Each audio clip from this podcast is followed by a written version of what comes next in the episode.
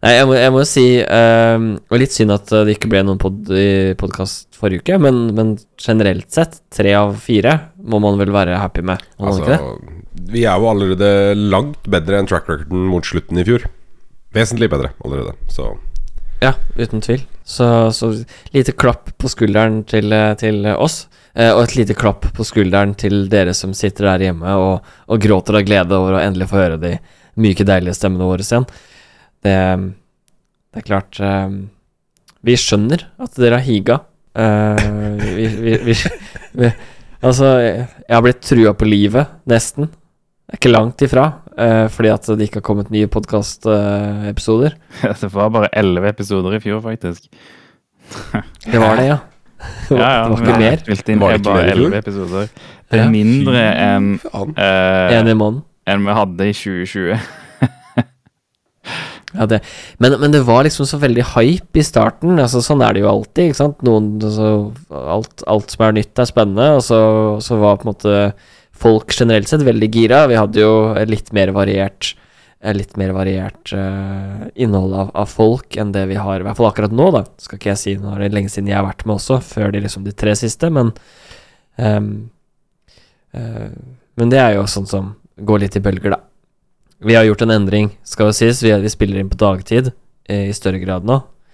Eh, noe som gjør, eh, gjør det lettere for i hvert fall noen av oss da, til å prioritere og få, få tid til å spille. Vetle er veldig heldig som har en arbeidsgiver som tillater at han spiller podkast i, i arbeidstid. Ja, det er helt sant. Eh, Gjør, gjør det at vi teknisk sett er sponsa?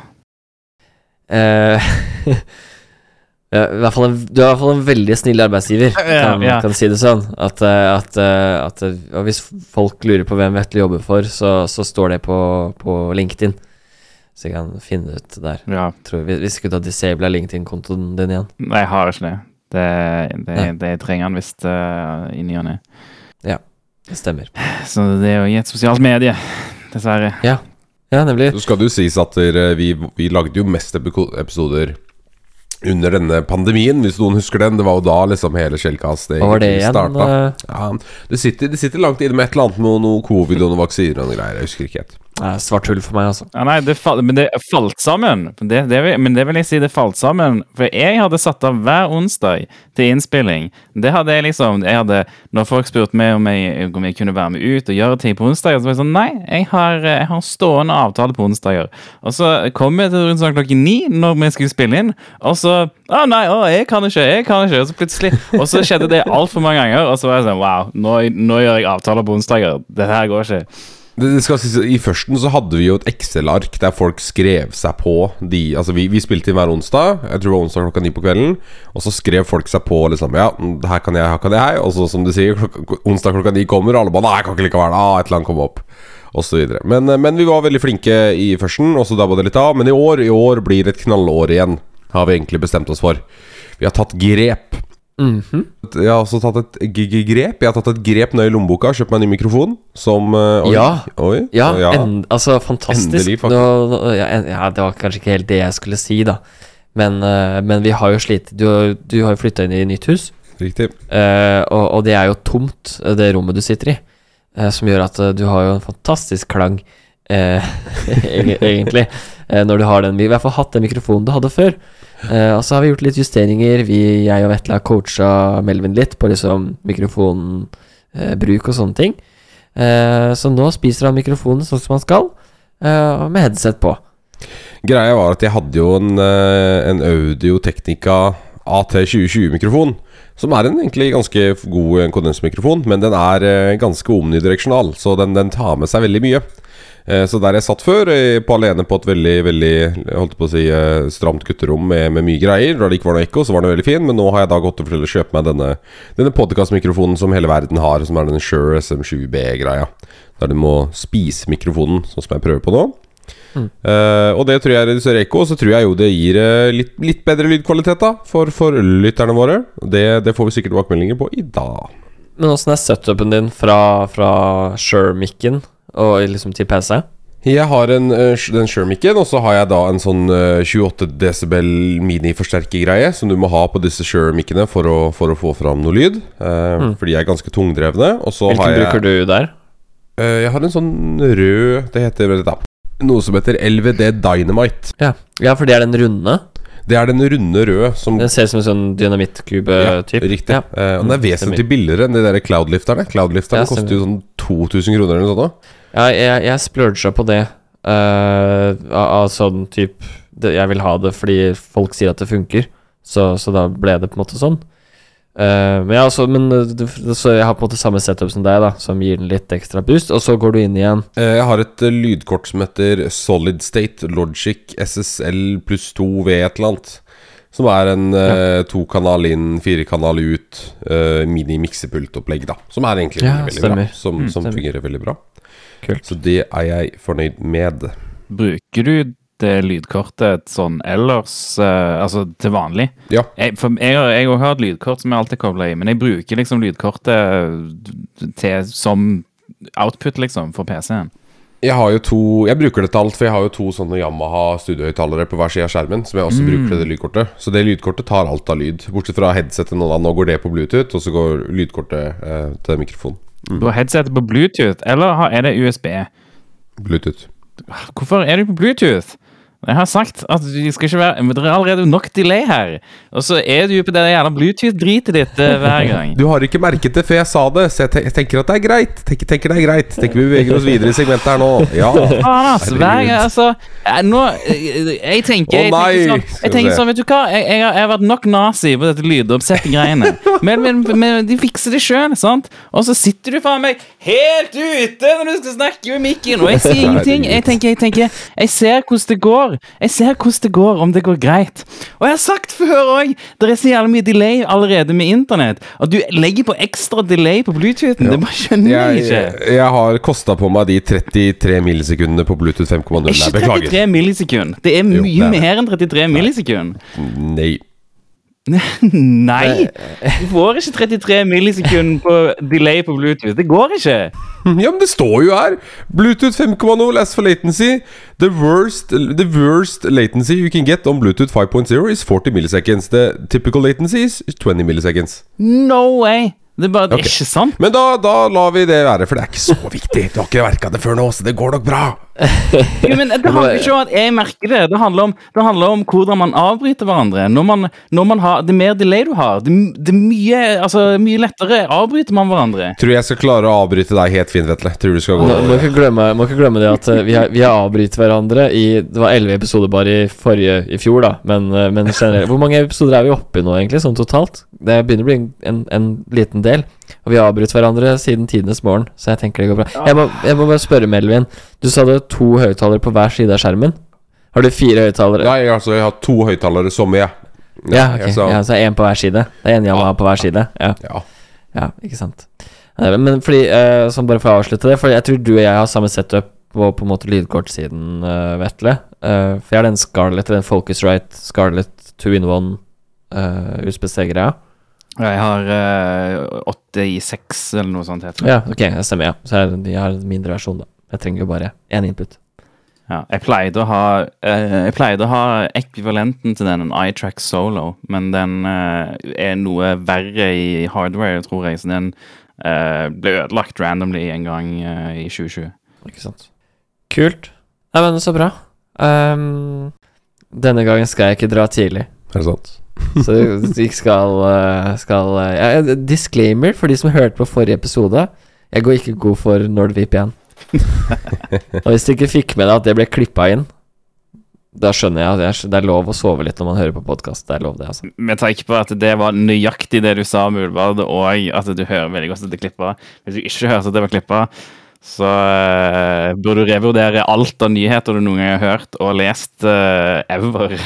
Jeg, jeg har hørt fra opptil opp til én person at uh, den personen ikke fikk med seg det. Så Bare så det er nevnt. Liten shout-out til Geir.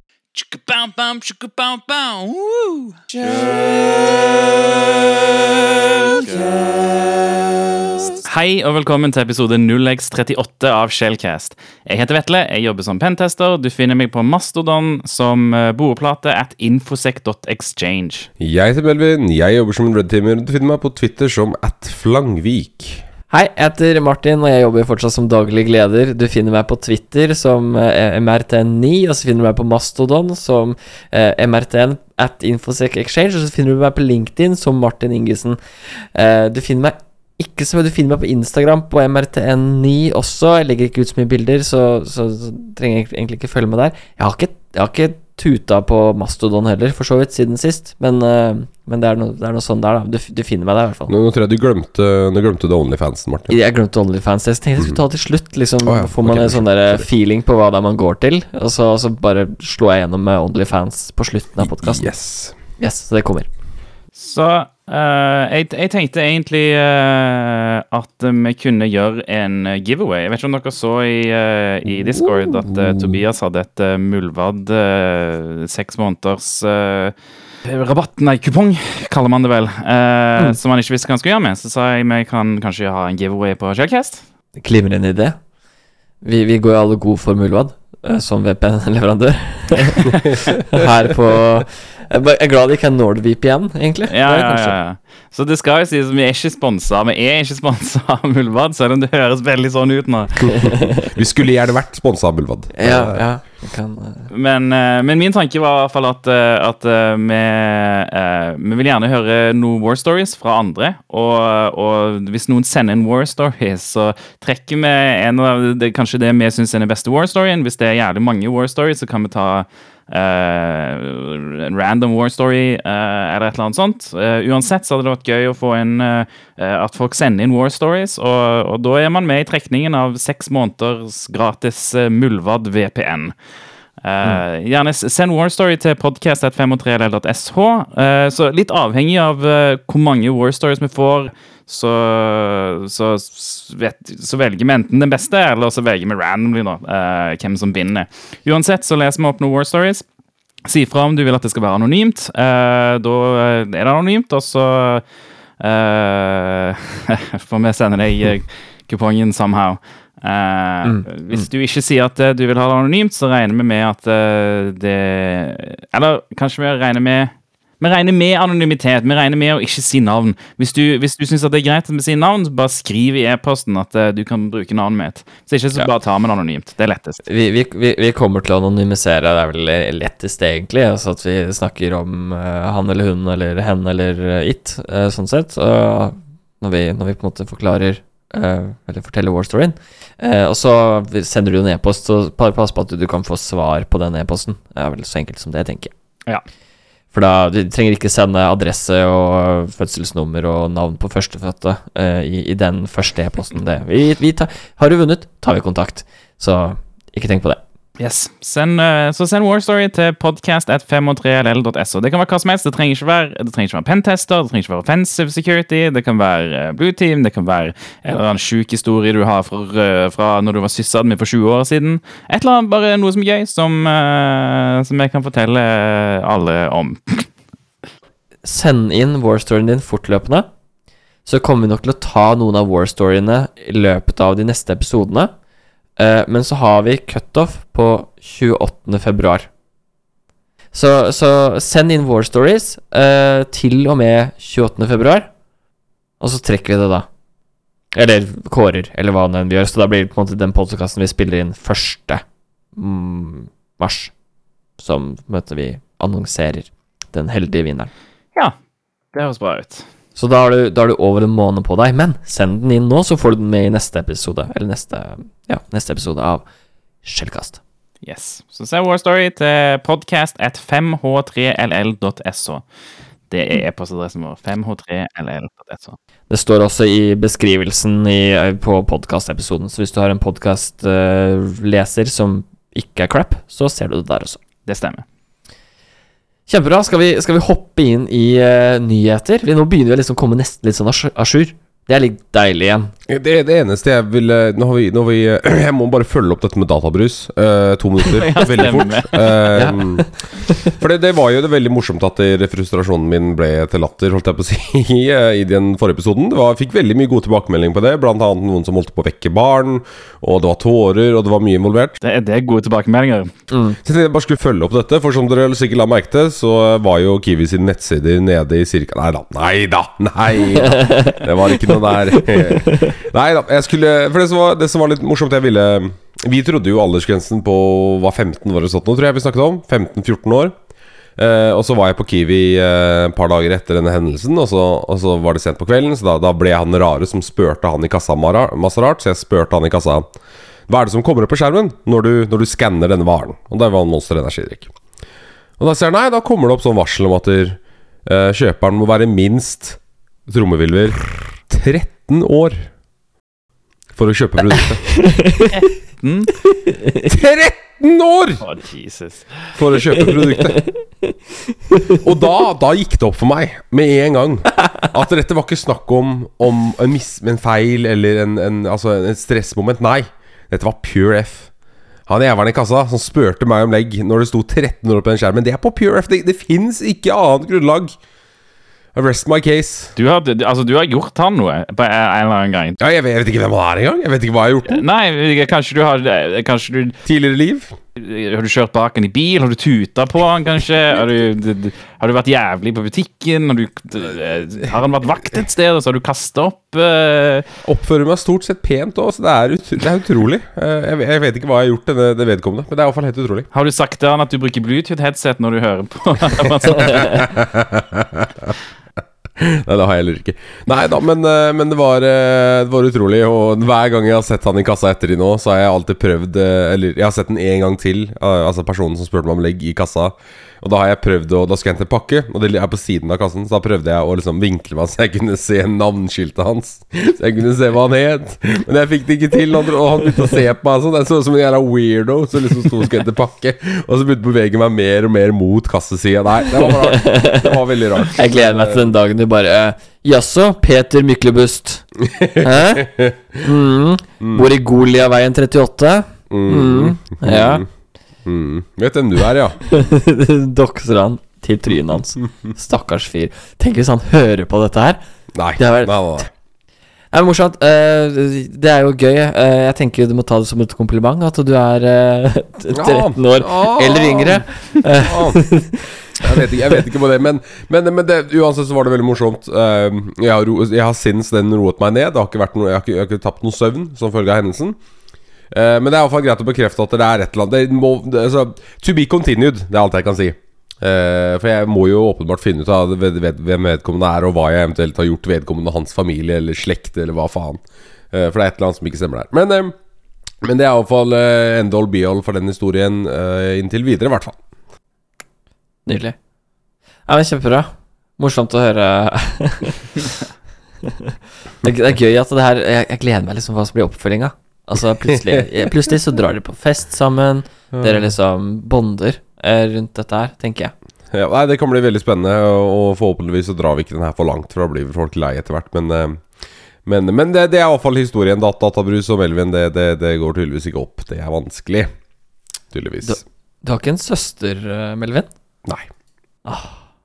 Det er så gøy hvis plutselig han fyren hadde kommet til en sånn familiebursdag. Å ja. så Ja, nei, nei jeg legger den død. slagsmål. Jeg legger den død. Nei, men konge Um, Vi skal hoppe inn i Skal vi kalle det drama? Eller det, det er ikke så mange som følger med på det. Noen følger med på det, og det er litt drama uh, rundt CVE-er. Altså, dette er da uh, Ja, er, det det, er det det at du har for få CV-er? Du er egentlig ikke god nok, Martin, til å være her, for du har ikke nok CV-er. Bare fordi du har to, Vetle, så trenger ikke du eh, komme her og kaste om deg, eh, tenker jeg. Jeg har bare én. Den andre var funnet før jeg fant den. Jeg var ikke disclosa. på det punktet. Åh, det er litt trist, da. Ja, det er litt Eh, Det har vært litt drama rundt eh, CVE-er, eller Common Vulnerabilities and Exposures, som det på en måte står, eh, står for. Eh, Litt sånn småtricky eh, a- akronym akkurat der. Men, men en CVE er jo, er, jo en nummereringsform, altså for å, for å beskrive én sårbarhet i et eller annet. Så hvis du finner en sårbarhet i en eller annen applikasjon eller noe hardware eller hva det måtte være, så, så blir det assigna et CVE-nummer for å beskrive den sårbarheten. Og det, det er veldig viktig, for det blir brukt i eh, sårbarhetsskanning, det blir brukt for å beskrive sårbarhet som blir funnet med eh, av sikkerhetstestere, eh, osv., osv., osv.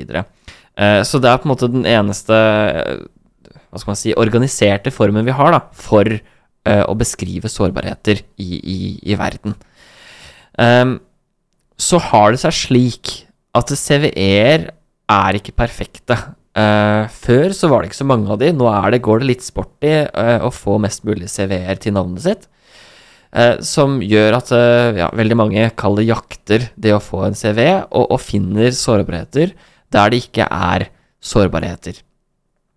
Et eksempel på det er en, en CVE Nå husker jeg ikke hva de endte opp med å kalle denne CVE-en. Jo, CVE eh, 2022 23529, eh, som het eh, Hva var det beskrivelsen på den var igjen? Uh, Jason Web Token has insecure input validation in uh, JWT.verify function. Uh, og, og det de da uh, har sett der, dette det kommer egentlig fra eh, Unit 42 Palo Alto Networks, hvor de sier at eh, hvis du passer inn et objekt der de kaller forventer en string, eh, så vil two-string-funksjonen i objektet bli kjørt, som gjør at du i teorien får remote code execution. Det er på en måte veldig, veldig kort beskrevet.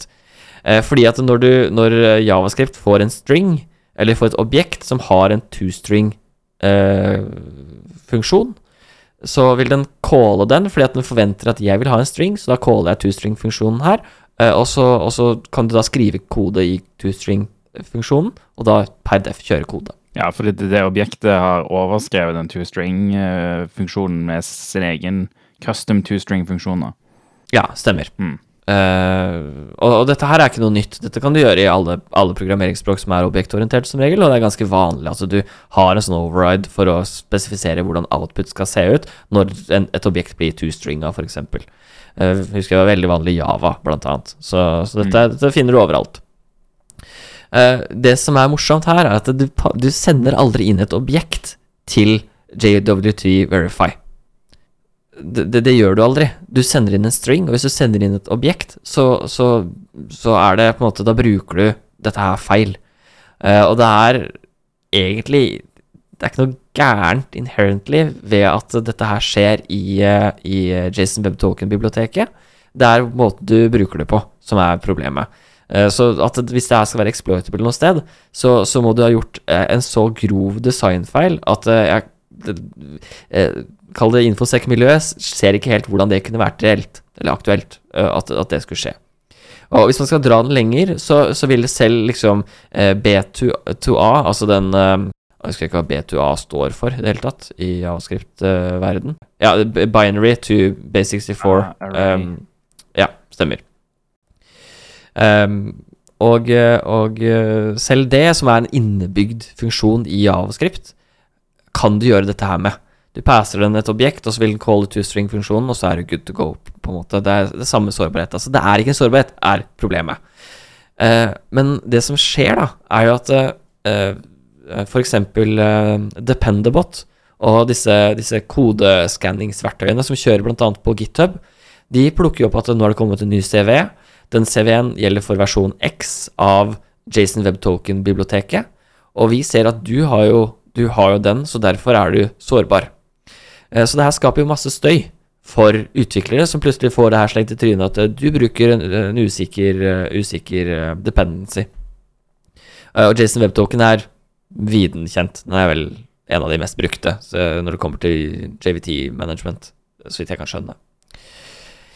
Eh, og så ender det jo egentlig bare opp med at eh, det er en GitHub-tråd hvor folk måtte beskrive liksom, hvor, hvor, hvor teit denne her egentlig er, da.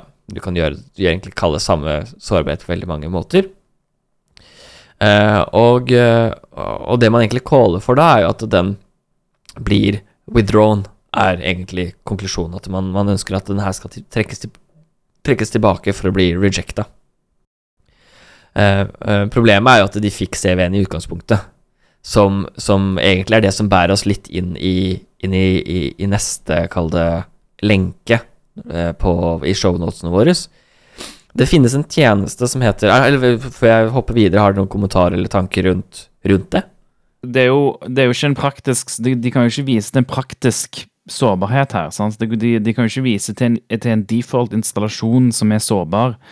Så uh, det, det det er rart at CV-er blir uh, utstedt uh, på grunnlag av noe som ikke er en praktisk sårbarhet. En teo Mm. teoretisk sårbarhet, liksom. Altså, det er sånn Det, er, det kunne vært liksom en uh, Hva skal man si Det kunne vært en, en CTF-oppgave, liksom. hvor du legger til rette for at liksom Du lager et objekt, uh, du kan definere et objekt, eller pass med et objekt, og så skal jeg, så skal jeg dytte det inn i Jason Web Token uh, Verify, liksom. Da Den, den ser jeg. Men, uh, men det, den reelle bruken er ikke til stede i, i den virkelige verden, da. Ja, for det er ikke noen måte når Altså, typ Dette vil jo bli den, den jot-funksjonen her vil jo bli eh, Eller verify-funksjonen i dette biblioteket vil bli kalt når en bruker sender inn sin JSON-token, og så, eh, og så verifiseres det der, da. Og det er ikke noen måte, for de som ikke er kjent med det, så det er ikke noen måte i bare ren JSON å lage funksjoner. Det, er ikke, det finnes ikke noen noe fancy måte der du kan lage en funksjon til et, et JSON-objekt. Det er bare, du, du må grovt mishandle data, som eh, Martin sier, for at, for at det skal være mulig. Du må på en måte injekte et objekt da, i kodebasen allerede på en helt annen måte, og du har jo helt andre sårbarheter eh, som, som legger til rette for det. Du, du måtte hatt en deserialiseringsgreie i front. Uh, det hadde gått an. ikke sant? At du deserialiserer et objekt som er serialisert, som blir passa med en cookie eller whatever, til, eh, til Men da har du allerede en deserialiseringssårbarhet. Så da du trenger ikke, du trenger ikke den verify token til å få eh, verify-funksjonen til å få code execution, for det har du allerede fordi du deserialiserer. Så det er liksom sånn Ja, det, det gir ikke mening, da. Ja, og Da bruker du heller ikke JWT-tokens ordentlig, fordi at de, det, er tre base 64-strings som er satt sammen med, med punktum, eller joina med punktum.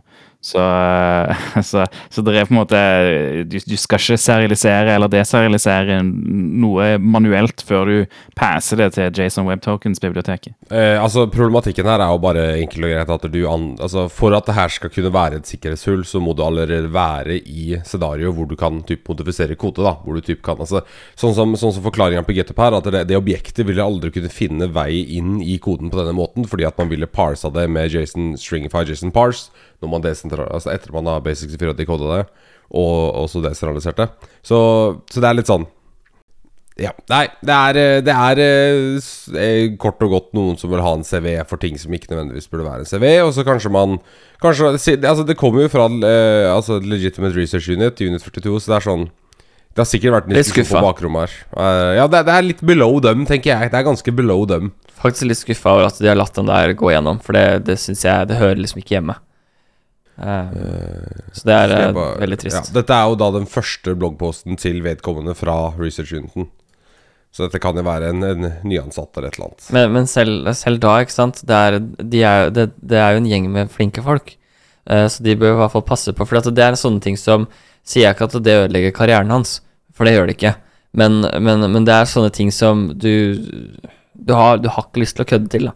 Uh, så nei, så jeg syns det var, det var uh, uheldig, for å, for, å si det, for å si det sånn. Og så, og så er det jo, ser jeg jo at det er flere artikler her. Det er sånn Media drar jo det her eh, I hvert fall journalister som ikke har den dype tekniske forståelsen her. Altså Vi ser jo Reversing Labs sier If you don't know me now, Jason Web Token, breaks the software supply chain again. Det er liksom Nei. Ja, det, nei, nei. Nei, og problemet Altså, det problemet blir jo at folk kan ende opp med å se seg blind på det. Ikke sant? Altså du, du Å ja, nei, men nei, den CV-en Nei, det er sikkert ikke en CV jeg allikevel. Uh, hvis vi ikke passer på å holde det reint, da, og, og liksom holde det sånn, ja, sånn at, sånn at ikke hva som helst passer gjennom radaren.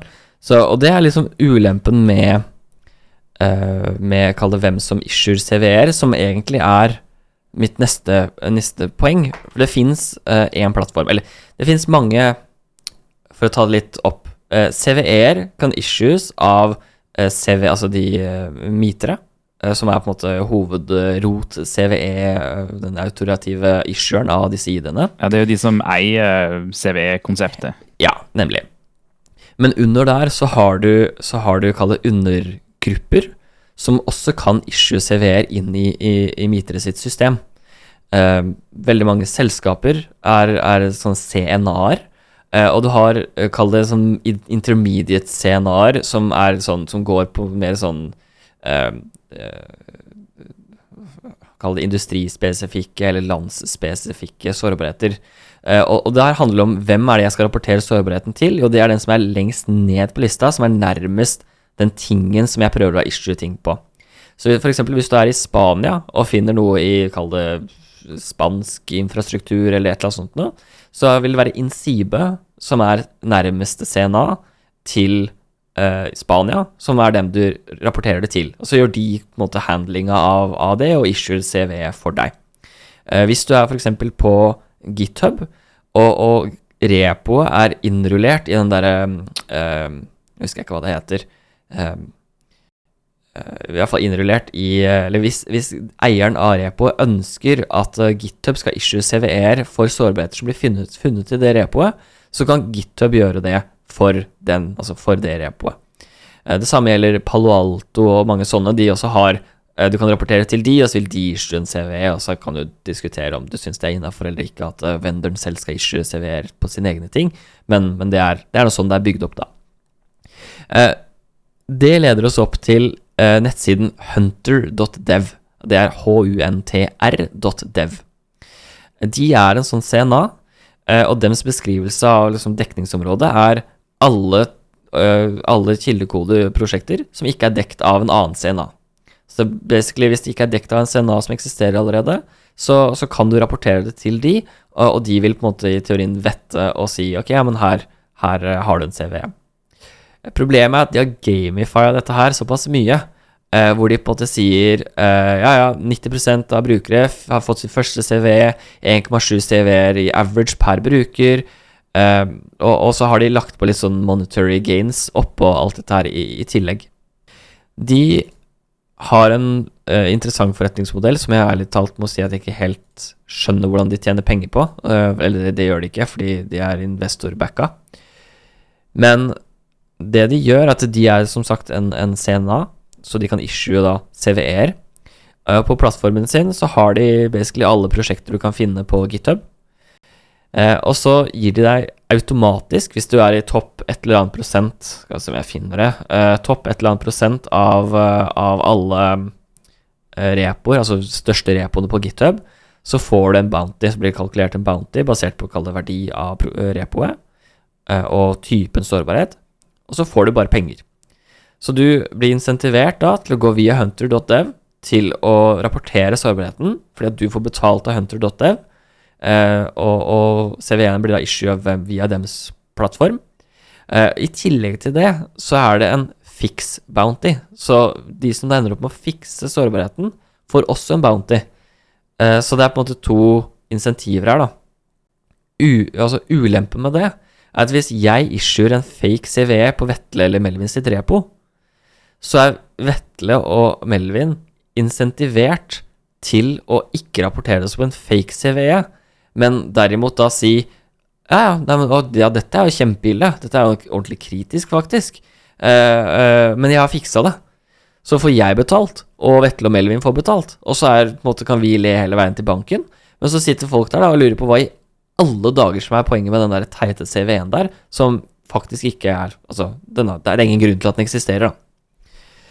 Eh, så, så, så det er litt så morsomt, og jeg snakka med, med andre om dette her, og man himler litt med øynene av dette systemet her, men problemet er jo at de issuer en hel haug med CV-er, eh, og har en hel haug med uh, advisories. Så det er, eh, det er litt dumt. Det er jo markedsføring. Det er jo bare markedsføring, dette. De har fått masse De har fått altfor mye penger fra VC Funding, og så, og så gir de det ut, eh, sånn at de kan si Hei, se så mange CV-er vi har. Dere burde bruke vår plattform i stedet for HackerOne til å eh, manage security-programmet deres. Og så, eh, og så driter de litt i Det er åpenbart at de driter litt i hva slags skade de gjør på veien. Eh, eller åpenbart, hva skal man si? De gjør jo tydeligvis skade på veien, da. Det er jo Folk er lei av uh, fake CV-er uh, og, og alt det du snakker om. Så det er definitivt ikke liksom Det er ikke kult. Uh, det er ikke en kul måte å bruke, bruke markedsføringen på. Hadde de vært bra, hadde de vært liksom gått gjennom og sjekka alt og gjort liksom jobben som kreves med det, så hadde det vært dritbra.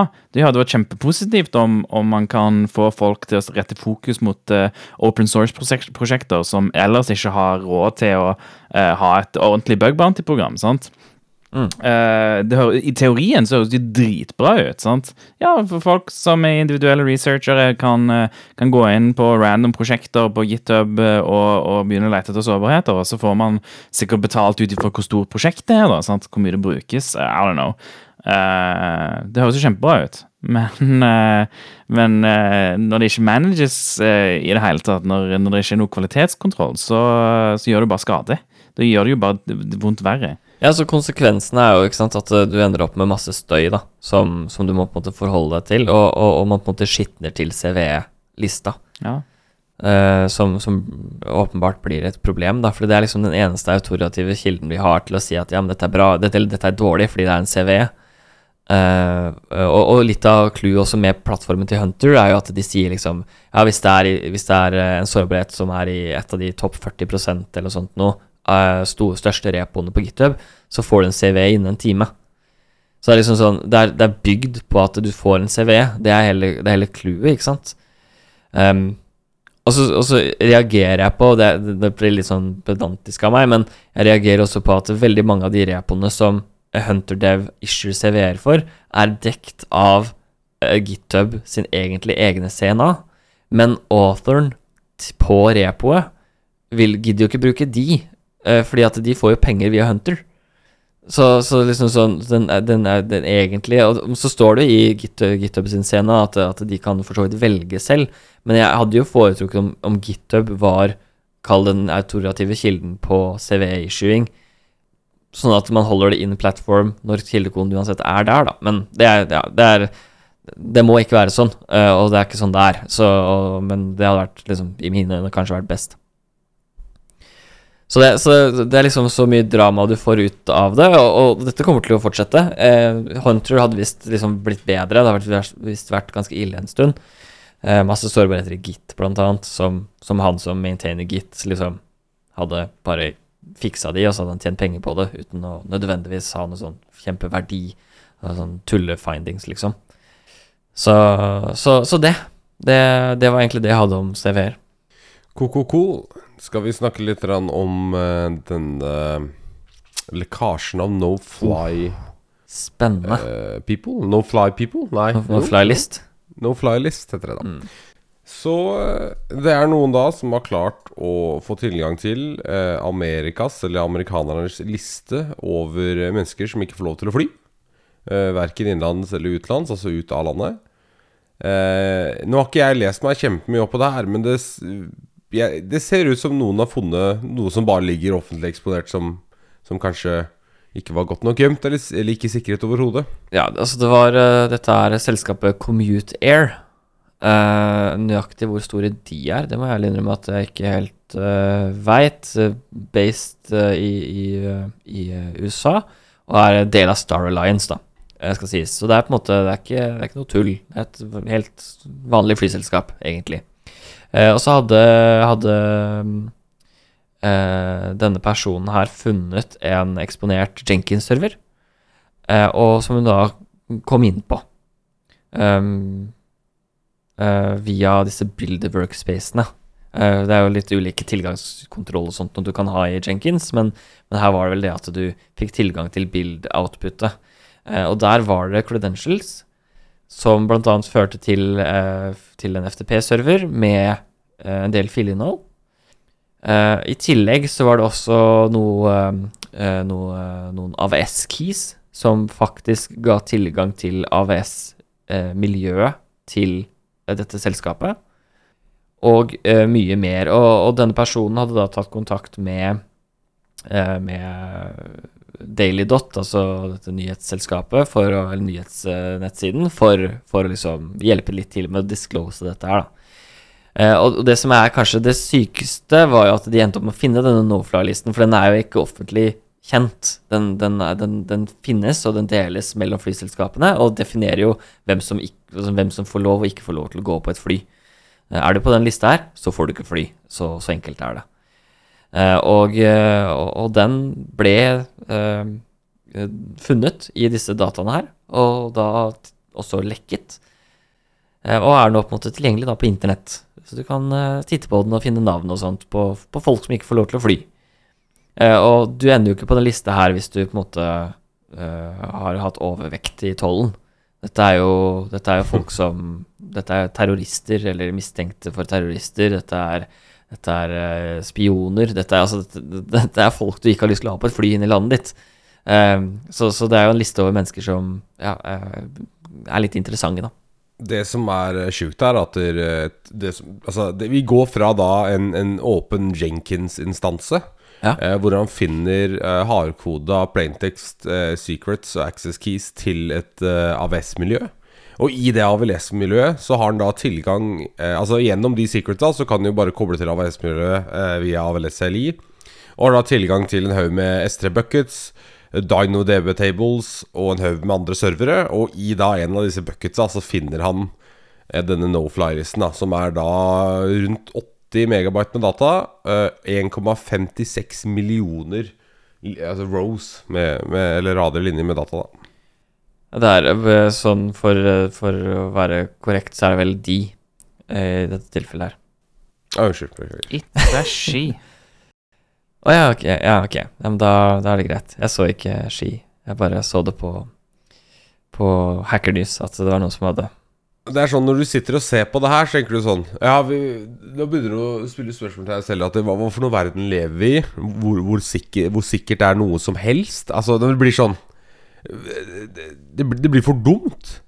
Og så, og så begynner jeg å tenke sånn eh, La oss si dette selskapet har årlige eksterne pentester. da Så kan det være så dumt som at Ja, den pentesten er bare mot eh, en definert scope. Så dette blir aldri tatt opp, dette blir aldri funnet, fordi hver gang de tester her, så bare gir det et scope. Nå bare, nå bare liksom spitballer jeg litt, men sånn Ikke sant, det her kan gå undiscovered lenge, eh, potensielt. Det er et selskap med over 1500 ansatte. Eh, flåte på 73 fly. Uh, flyr til Ja, 75 pluss destinasjoner. Uh, hovedkvarter i Ohio, for så vidt. Eh, så det er liksom Ja, nei, det er jo et selskap som burde hatt, hatt litt kål på hva de driver med, men det er klart, dette er jo ikke noe Det er jo det er ikke noe nytt. Altså sånn Det at folk har eksponert, eh, eksponert støff på internett, det, det skjer jo støtt og stadig. Så, så det overrasker meg jo ikke. Men klart, det, det, evne, altså mengden av kompromiss, hvis, hvis man kan kalle det det, eh, i det tilfellet er ganske stor, da. For du ender jo opp med å gå liksom fra, som du sier, eksponert Jenkins, og så kanskje altså, ok, ok, du kan se på noen bilder, det er ikke nødvendigvis krise, eh, og så bare plopp, så er du i AVS og kan spinne opp VM-er eller hva nå enn du har lyst til, da. Det er jo selvfølgelig krise. Ehm, så det er, det er flere ting som er dårlig her. Eh, Så det er både om de har hatt interne eller eksterne eller web-sårbarhetsscan eller hva pokker de måtte ha hatt for noe, så er det, så er det mye som er gærent her.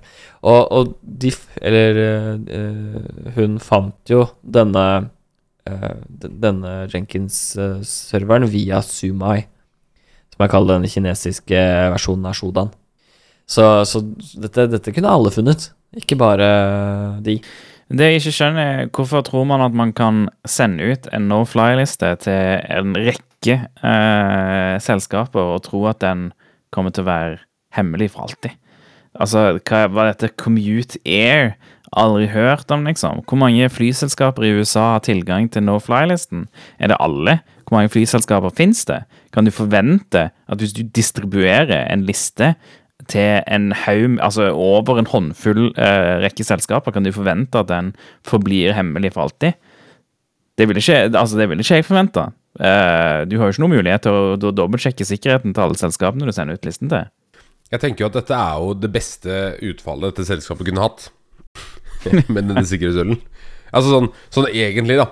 Det verste utfallet her er jo Jeg nuker hele AVF-infrastrukturen din. eh, har de ikke backups, eh, så er de fucked, og så blackmailer de for penger. Eller du bare Bare causer mayhem på et eller annet vis for å, for å få en annen profitt. Så her, er jo, det her er jo det beste utfallet. Det som skjedde her, er jo egentlig bare ha-ha, en liste med personer som ikke kan fly jeg liker.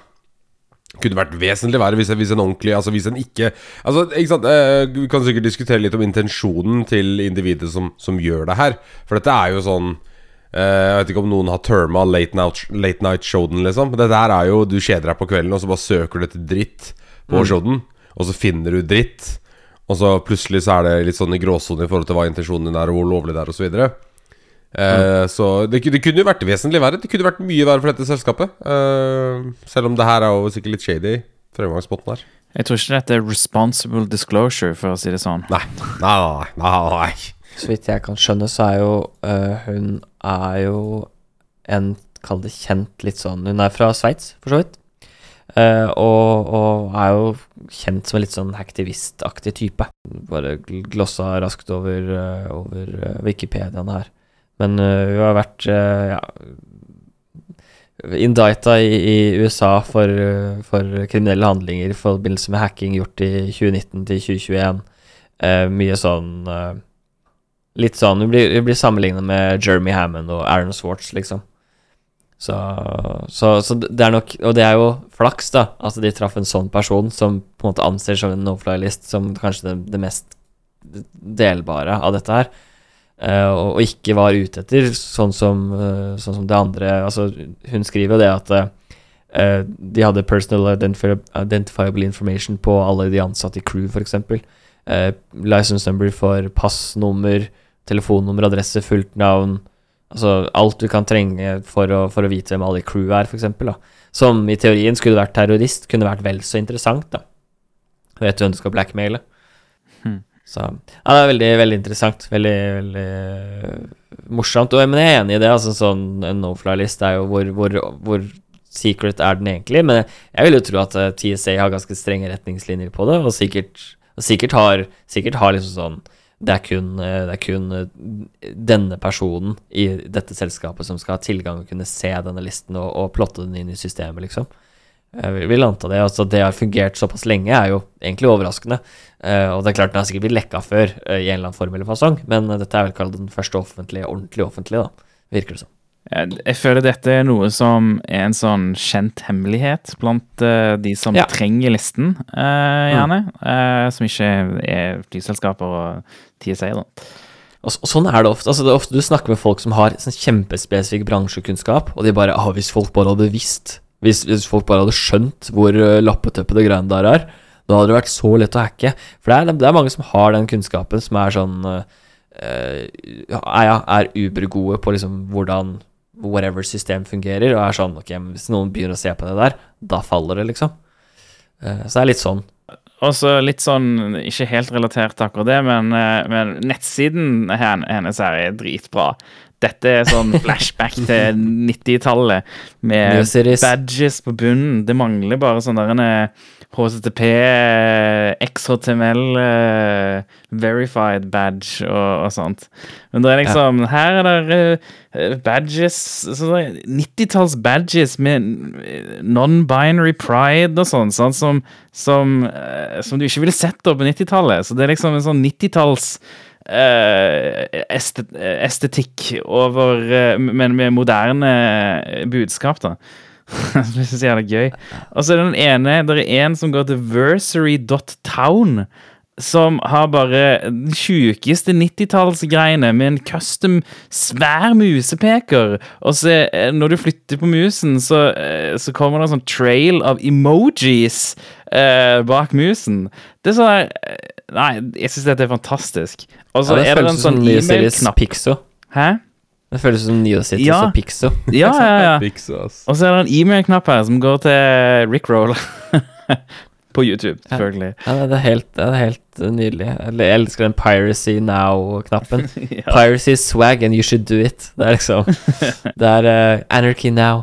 Anarchy now. Uh, og så er det en Don't click here-knapp som launcher What did I tell you i avskrift. og så selvfølgelig en liten lenke til Arch Linux, da, for de som liker Arch Linux der ute. Ja, den Anarchy Now en sånn Netscape-lignende Vi, vi tulla jo lenge med det i, i Covert, og vi lagde jo faktisk en demo av den nye nettsida til Covert, som var ikke, ikke så her ille, men som var litt sånn terminalaktig output-scene, som skulle være litt mer kall det nerdete enn en det som vi endte opp med å gjøre, da. Uh, så, så jeg, så syns den stilen her er litt søt. Altså, den, den kan umulig fungere så bra på mobil, men uh, Nei, det gjør den ikke. det er utrolig crap på mobil. så, men eh, det er søtt. Det er, du får flashbacks til, til Pixo, liksom. Så det var tider. Å ja. Nå er det til sanskurset. Sanskurset. Ja, få høre, Martin. Ja, nei, altså, jeg, jeg er jo ut, helt utenforstående her, men, men eh, det, er, det, det kom en review av en som heter Voidsec, som er Nå husker jeg ikke om han er italiensk eller noe sånt. Uh, who am I? Unnskyld. Uh, Paolo Stagno heter han. Hvor han kommer fra, er jeg litt usikker på. Det er ikke så veldig farlig.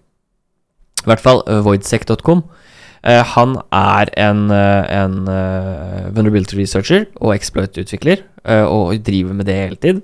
Og han har tatt dette SANS SEC 760-kurset, Advanced Exploit Development for Penetration Testers, og skrevet et review. Og, og, det er vel ikke Det er vel ikke feil å si at han slakter kurset, må man vel ærlig innrømme å si. Uh, han, han, highlighter de ulike dagene og skriver om de ulike dagene og, og, hva det går inn i, og kommer med gode innspill til egentlig forbedringer på å kalle det hvordan Sans kunne forbedra og gjort om litt på innhold og, og, og, rekkefølge og sånne ting, som han føler liksom ikke gir helt mening. Uh, og, uh, og, har definitivt noe positivt å, å, komme med, men ender jo opp med å gi kurset tre av fem. Altså litt Ja litt over middels uh, for et kurs som da koster, så vidt jeg kan skjønne, 100 000 kroner. Uh, og, og, da sitter man der uh, og litt sånn Ja, det er jo ikke helt heldig. Og han går liksom inn i at mye av det Ok, dette skal være avansert, og så bruker du liksom dag én med introduksjon til Ida.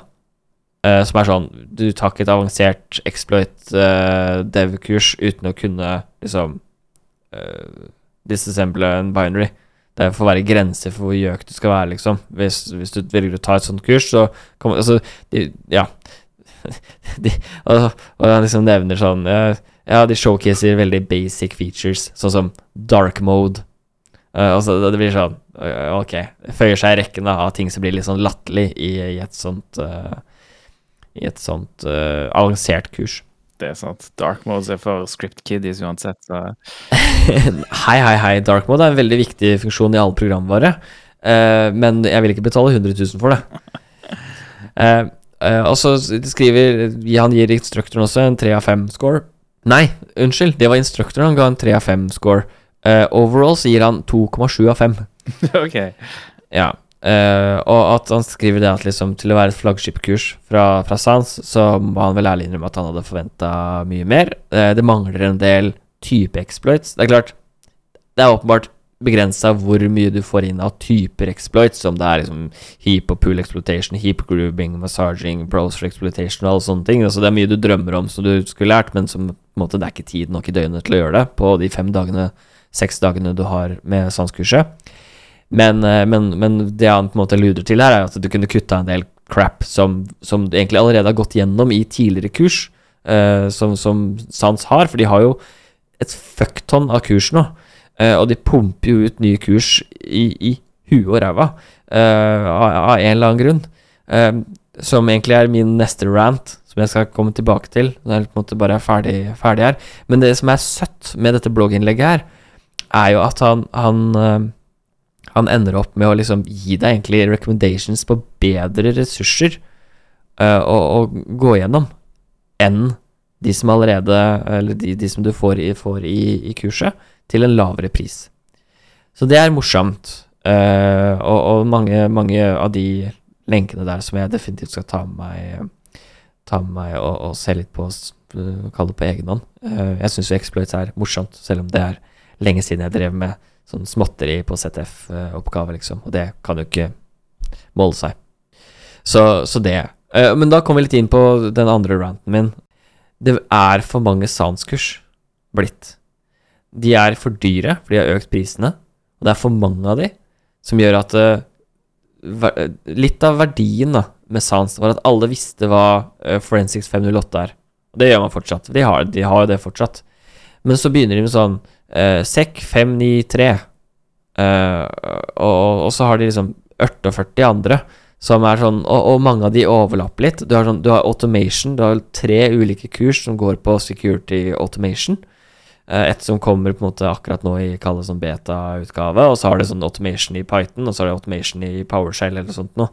Og det, og det, det, det behøver liksom ikke være eh, seksdagerskurs for å, for å løpe rundt og, og, lære automation i ulike programmeringsspråk. Eh, men det har liksom det det har blitt litt til, da. For å være, for å være kritisk. Jeg syns som sagt det finnes så mange Og, og det er jo litt Man har jo sett Uh, vi har jo sett eksempler fra, fra andre sanskurs hvor vi har på en måte, sett på innholdet, hvor veldig mye av det er det samme du finner gratis eller på billigere steder. Kurs som er vel så bra. Jeg husker det var vel et, eh, et, et uh, pentesting, sånn cloud-kurs, som, som, noen mente var en rip-off av den Bubullock sin, uh, sin uh, hva, er det, hva, er det, det heter igjen? Det er vel det som er hosta av av Black Hills Information Security. Det, var, fall, det var et, et kurs, cloud-kurs som var basically likt. Basically identisk, men til en brøkdel av prisen av det, av det Sans tar. Så det er Det, det, det syns jeg er, er dumt, da. Fordi de har et brand, og de har tatt godt vare på det, og så ender de opp med å vanne det litt ut med, med litt for rare offerings, i, i mitt hode, da. Jeg har vel egentlig aldri uh, tatt, rørt, lest eller uh, approacha Sans på noe som helst vis. Men uh, jeg Mitt inntrykk er at Sans bare Jeg tenker det er i hvert fall de siste fem-seks åra så har det kommet en million andre alternativer som jeg det heller hadde tatt før jeg hadde brukt eller fått pengene Eller før jeg eller hadde fått arbeidsgiveren min til å bruke penger på Sandkurs. Enkelt og greit. Ja, jeg, altså jeg ville heller ikke eh, gått for et sanskurs sånn helt uten videre. Det er ikke Jeg har på en måte ikke Ja. Jeg har ikke kjent sans i, i den formen av at det har vært noe som har vært eh, superbra, eller Det har liksom alltid vært out of reach. sant? Før jeg begynte i fulltidsjobb, så, så var det jo uakseptabelt. Og, og altså, det, det, var no way at det var mulig for meg å ta et sanskurs mm. i det hele tatt. sant? Mm. Og eh, når jeg så begynte i, eh, i sikkerhetsjobb, så, så, var allerede dette Det var allerede sans begynt å, å, å, falle litt, liksom. Så jeg har heller ikke mm. hatt noe sanskurs, eller egentlig sikla på noe sanskurs. Nei, jeg, jeg, jeg, var så heldig at jeg fikk uh, Forensics 508 på et tidspunkt. Og, uh, og, og, og, kurset var altså kurset var knallbra, så, så, uh, så, det var ikke det. Men det er klart um, Det var sånn middels avansert, kanskje. Altså, det var et veldig morsomt kurs. Uh, uh, men det er jo ikke et kurs du betaler ut av egen lomme. Da er det jo Det, det er sprøtt. Det må du for guds skyld ikke gjøre. uh, det fins sånn derre du, du, kan være sånn teaching assistant, hvor du får rabattert pris og sånt og, og, da kan det være mer aktuelt. Men men det er sånn, du, du, får uansett arbeidsgiveren din til å betale for det. og det du er interessert i uansett, er jo sertifiseringene.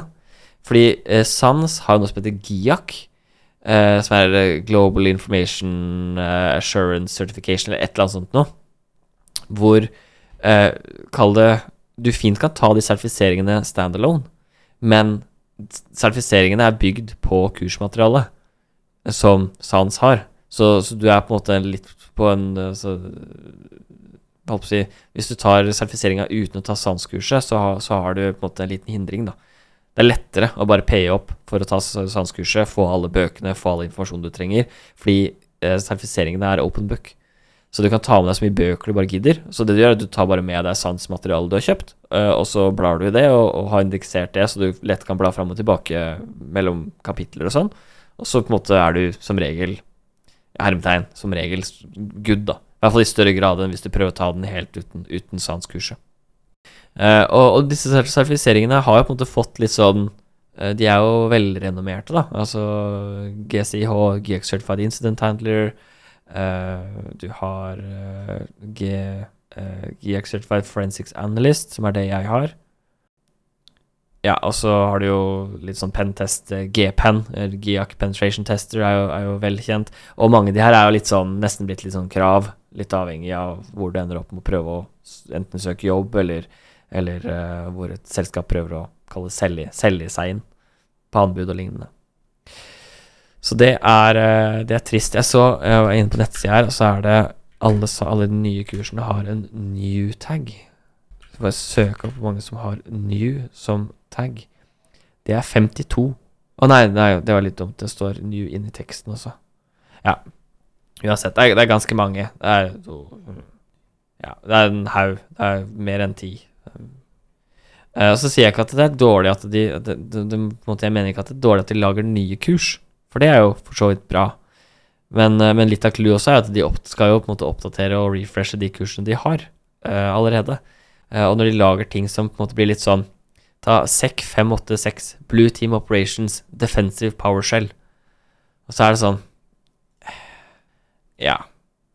Er det, er det noe du har lyst til å betale 80 000 kroner for, for å ta det on demand? Uh, hvor mye kan det i realiteten gi deg av verdi? Eh, eller eh, Eller eh, Ja. Cybersecurity writing. Hack the leader Nei, reader. Unnskyld, ikke leader. det er dog discounta, så det er sikkert ikke så mange dager, da, men det koster jaggu meg 33K, det også. Secrets to a su- successful cybersecurity presentation, SEC 503. Eh, det koster dog bare 12 000 kroner, så det var ikke så gærent, men det er kun on demand. Så, så det blir litt sånn Det er litt for mye, da. Litt for mye ræl til for høy pris. Det er ikke der eh, man ville anbefalt noen for å gå og lære noe uten Altså uten arbeidsgiver, skulle jeg si. Hvis du vil lære eh, skills for å komme inn på jobbmarkedet, så er det ikke sans du går for, i hvert fall.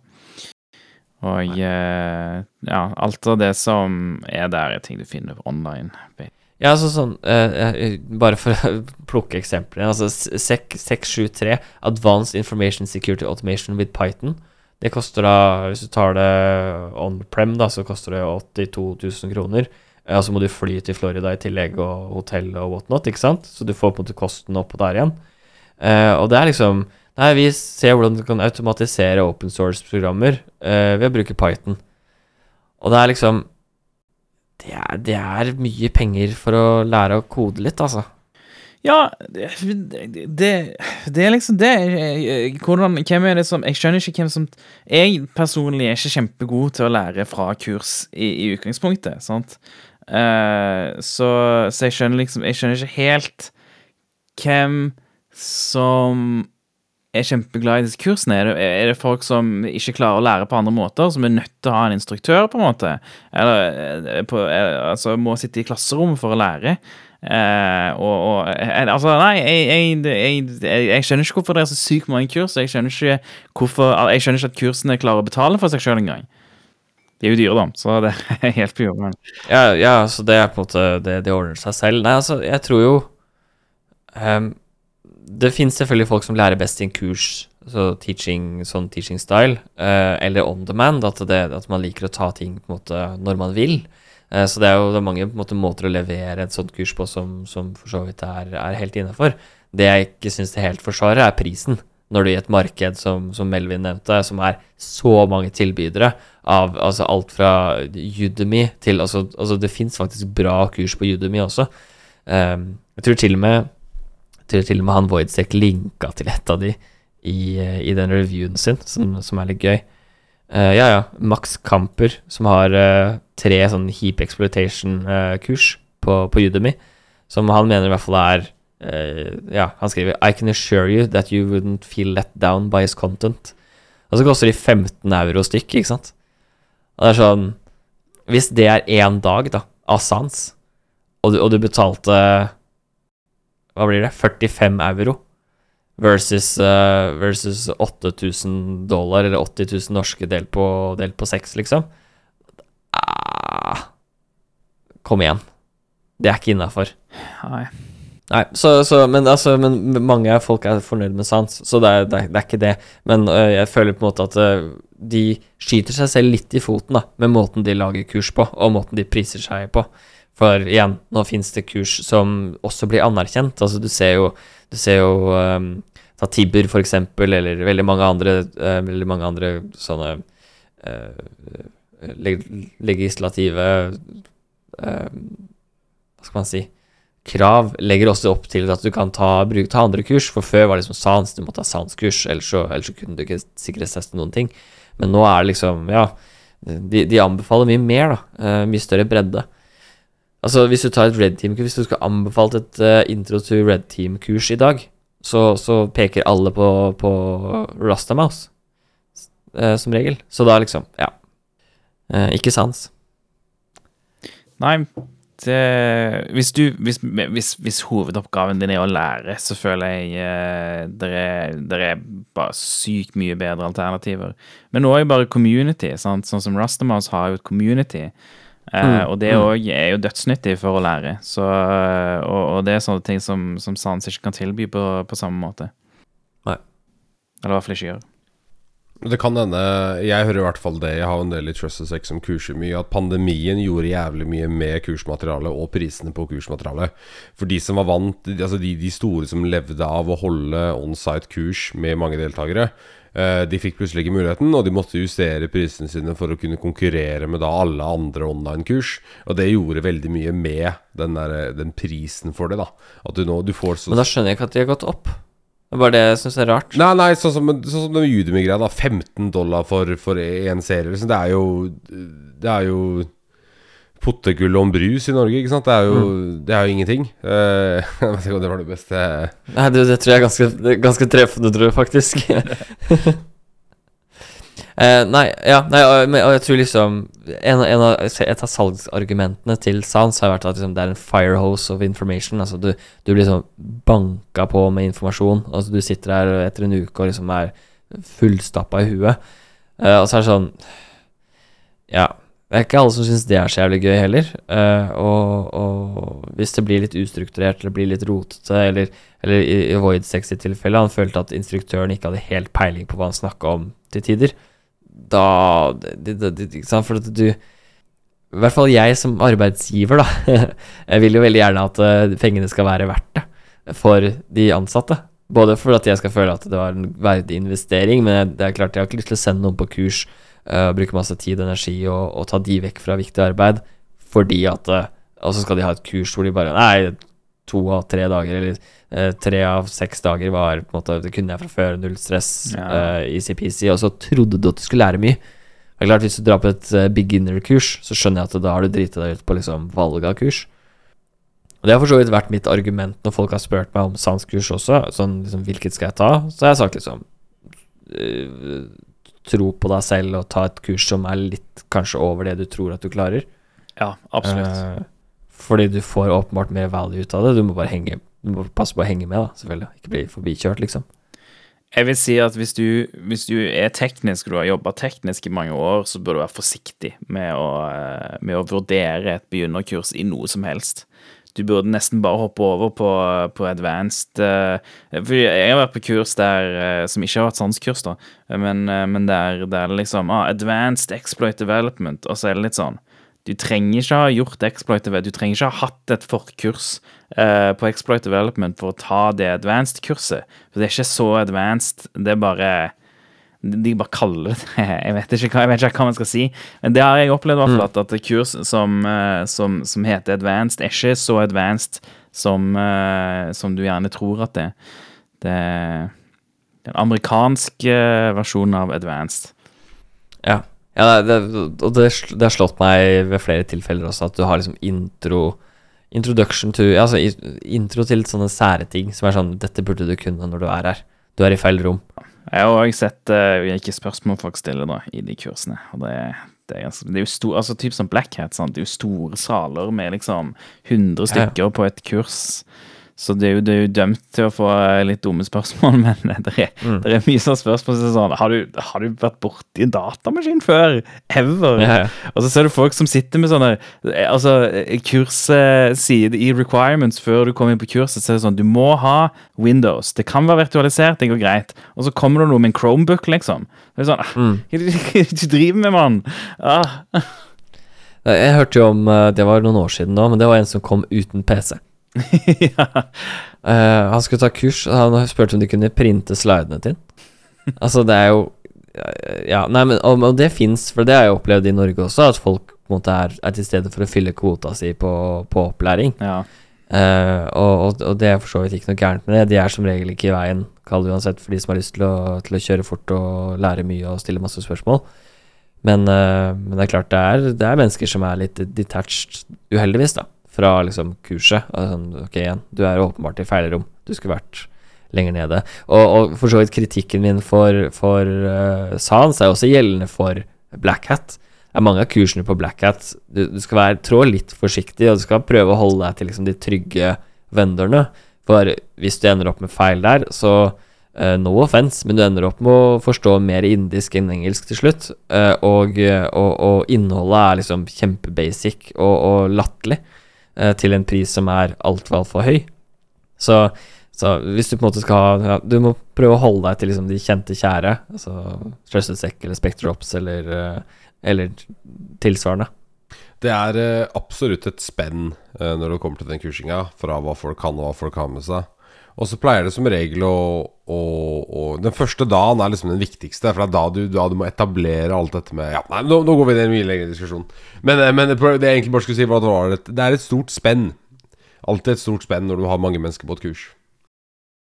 Så vår neste sak handler om at Twitter har eh, stengt eh, API for eh, tredjepartsapper. Eh, Twitter, har jo, Twitter har jo lenge hatt API for tredjepartsapper. De starta jo med et XML-API tilbake i eh, 2000 og et eller annet når de, når de starta. Og, eh, og mye teknologi har, har vært bygga på, eh, på det, og det har vært mye innovasjon òg for, for Twitter. Og eh, egentlig for, eh, for mobilapper eh, generelt sett. Så, så Twitter API har en ganske lang historie. Og, eh, og nå har, har Twitter eh, stengt den tredjeparts eh, applikasjons-API-tilgangen. De, de gjorde det uten å si, si fra i utgangspunktet. Og så Eh, et par dager seinere så, så, skrev Twitter Dev-kontoen, altså eh, at eh, Twitter Dev på Twitter, så skrev de at nei, det kan hende at noen av appene deres ikke fungerer fordi at nå enforcer vi en long standing rule uh, som, de, som ikke var noen regel. Sant? Disse, disse app-utviklerne, Twitterific og Tweetbot og, og sånne ting, har hatt, uh, har hatt relasjoner med folk som jobber i Twitter. Uh, og, og har, har, det har vært toveiskommunikasjon, liksom. Så, så, selvfølgelig har det vært greit at de, at de, har eksistert. Det er ikke noe long standing rule der. Um, mens uh, så, så nå plutselig, bare for, for, noen uker siden, så bare forsvant den tilgangen, da. Eller om det er en, en uke siden. Så forsvant den Så bare de appene funker ikke lenger. API-keyen API funker ikke lenger. Og og eh, Tweetbot blant annet prøvde en eldre eh, API-key som de hadde. Og den òg ble da banna etter et par minutter i, i, bruk. Så det var liksom ja, veldig målretta mot, mot tredjepartsapper. Det, det, er veldig synd. Jeg, jeg, sa jo at jeg blir på Twitter fram til de stenger av tilgangen for tredjepartsapper. Jeg forlot Twitter litt før det. Uh, men, eh, men nå det er no way at jeg bruker Twitter med, med offisielle appen. Det bare, Jeg har aldri brukt Twitter på den måten. Det er ikke sånn jeg kjenner Twitter. Så, så, så det bare skjer ikke. Nei. Nei, jeg, tenkte, jeg tenker det er en, en, for så vidt en eh, grei måte å gjøre det på. Dra teppet under beina på de som har bygd disse Twitter-leserne i tolv pluss år. Uh, at de endelig, som du sier, får, får spikra inn at det er egentlig en regel om at du ikke skal ha tredjepartslesere for, for, Twitter, og at den beste leseren for Twitter, det er, det er den offisielle.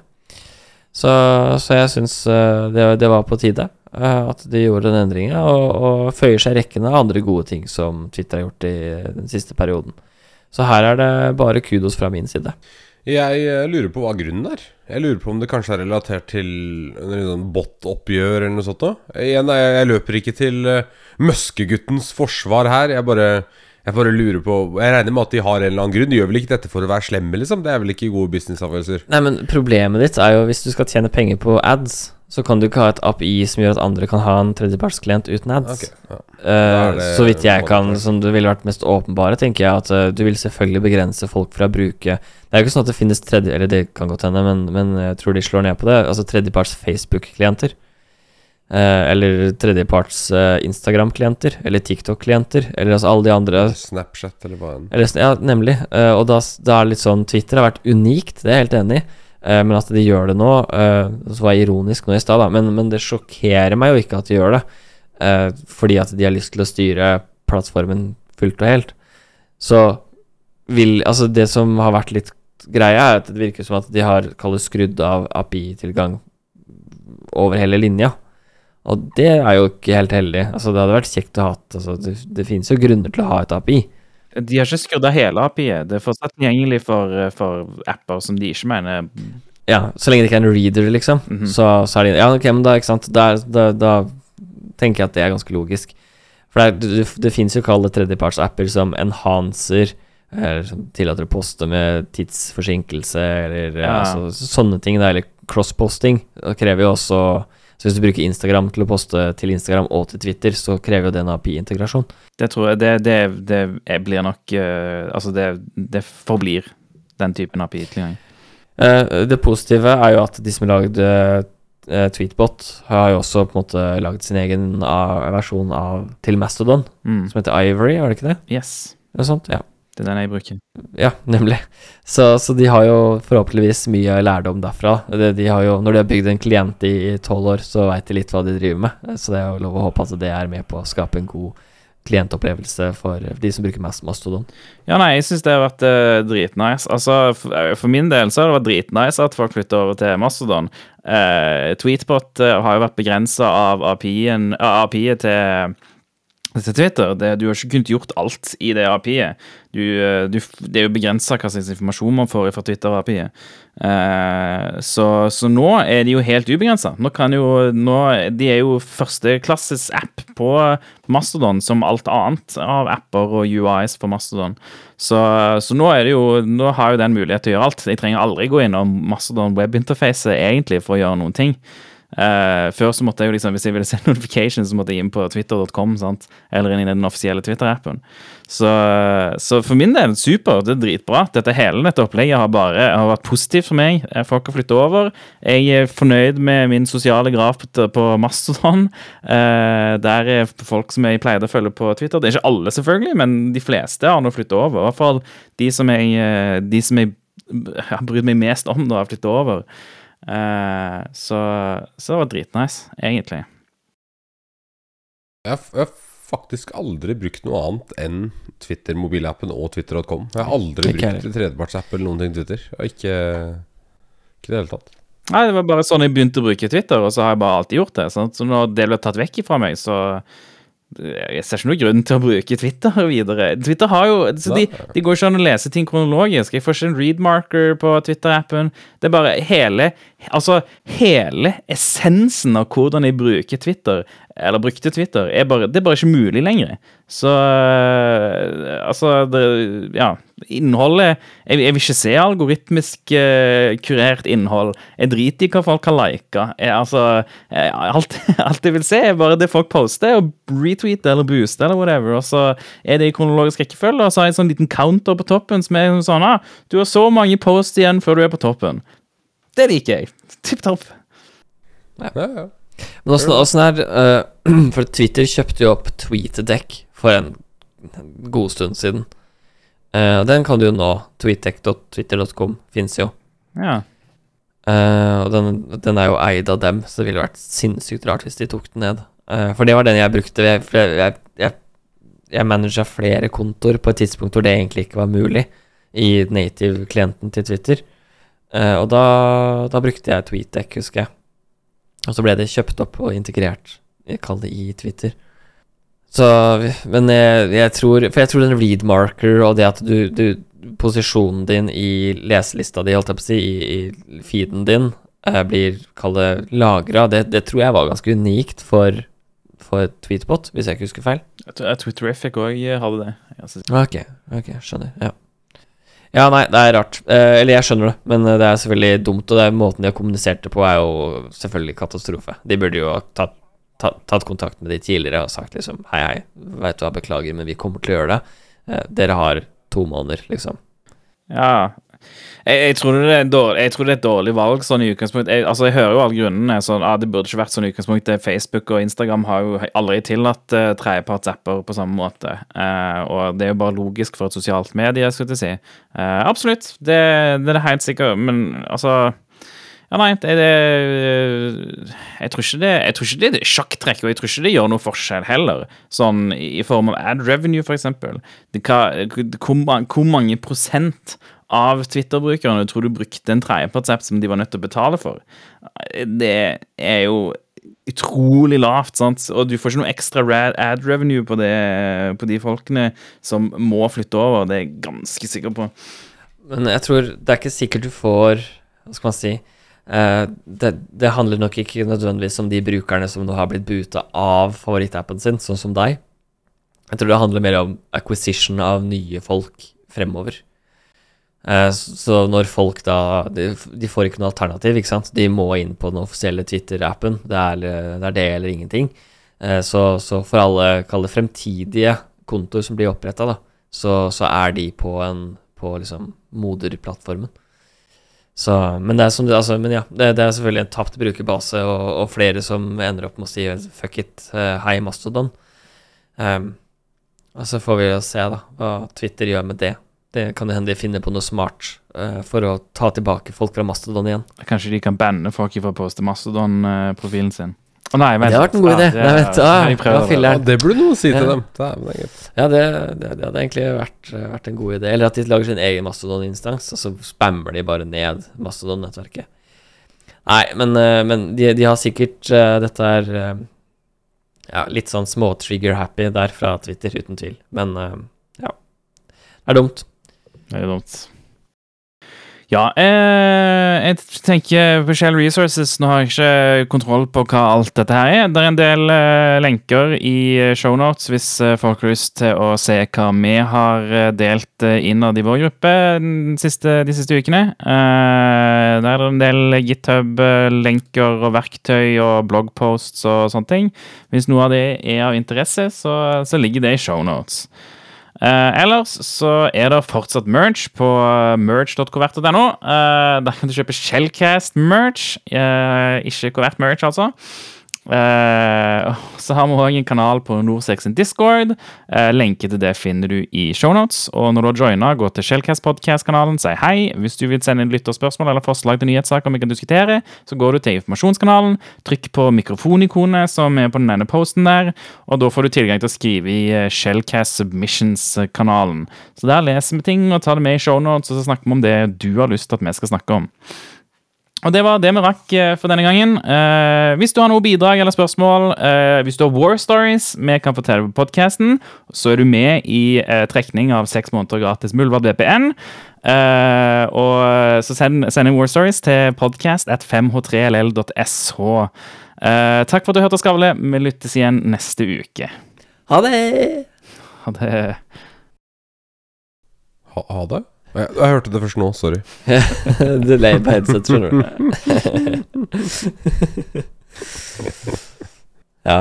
ja. jeg har sett den der, Jeg har sett den der um, Netflix-serien som handler om Spotify, uh, så jeg her om dagen. Det er seks episoder eller noe sånt på, på Netflix, som er sånn mini-dokumentar-dramatisering. Så det er ikke en dokumentar, og det er ikke en det er liksom, ja, dramatisering basert på virkelige hendelser. Um, og der var de veldig på dette med at um, eh, følelsen at noe er instant, er under to, to millisekunder, altså 200 millisekunder. Så, så når liksom hele, hele clouet der da var liksom engineering-jobben med å passe på at liksom når jeg trykker på en sang i Spotify, så starter den på under to, 200 eh, millisekunder. Ja. Um, så litt morsom Og nå vet ikke jeg jeg har faktasjekka nøyaktig hvordan de gjorde det, men, men det de på en måte gjorde i løsningen på en måte i i, uh, i, i uh, serien, var jo at de det, lagde sin egen protokoll. Uh, så de ikke brukte TCP-IP. For det var liksom litt av clouet. Sånn ja, men det, vi må vente på et akk fra serveren. Vi kan ikke vente Altså, vi kan ikke begynne å sende data før vi har fått et akk. og så, ja. Så de bygger noe på UDP, da. Eh, Du kan jo i realistisk sett ikke det var det jeg Jeg sitter i sofaen da og skriker til TV-en, ikke sant, og bare Ja, men du kan bruke UDP! bare bygg, bygg noe på UDP! Uh, men i serien så, så definerer de på en måte en, uh, sin egen protokoll, og så, og så uh, claimer de i hvert fall at de har patentert den, da. eh, og greier. Det går jo realistisk sett ikke å lage Du kan ikke lage noe som er separat fra ICMP, UDP eller TCP. Det går jo ikke gjennom switcher-rutere. Nei, altså, jeg vil jo tro du måtte layere noe opp på UDP. Jeg kan ikke se for meg at det er noe Altså, det, det, det som er Det som er, jeg syns er morsomt, er jo at folk liksom tenker at UDP nei, det er kun Altså, det er, det er kjempelossy. Og så er det sånn Du kan jo gjøre UDP lossless. Du må bare implementere TCP oppå UDP. Ja, quick. Det er Ja, ja, ja, altså sånn UDP er ikke, er ikke kjempelossless heller. Det er, som regel så mister du pakker fordi at et eller annet buffer er fullt eh, et sted. Det er liksom ikke, det er ikke sånn der random liksom, ah, Den går over kabelen, og så bare whoosh, forsvinner Jo, jo, det er, det er solar race eller beams eller hva det er for noe. Og det er liksom bitflips og gudene vet hva det, er, det ikke er. Nei, men det er, det er sant. Altså, det er congestion et eller annet sted som gjør at ting blir borte i støyen. Men uh, Ja, nei. Så Men uh, det var liksom morsomt med tanke på latency til headsetet til, uh, til Melvin. Og nå har ikke du hørt det ennå, Melvin, men nå har jeg akkurat fortalt om uh, eh, det, tar litt tid før det kommer inn Jeg trodde alltid UDP-er bare forsvant på kabelen. Det er litt rart at dere tar opp det nå. Ja, ja det, er, det lekker. Det er derfor du ikke skal ha for mye bøy på eternettkabelen, fordi at det kan lekke ut av liksom, i svingen, på en måte. da. Ah, så hvis du har for bratt sving, ikke sant, så vil den kjøre ut. Det går greit hvis du fortsatt er på 100 megabit, men hvis du er på 1 gigabit nettverk, så må du passe på kabelen, altså. Ja, men da er kabelen ganske tjukk, så da det hjelper på en måte. da, Så blir det som en motorvei.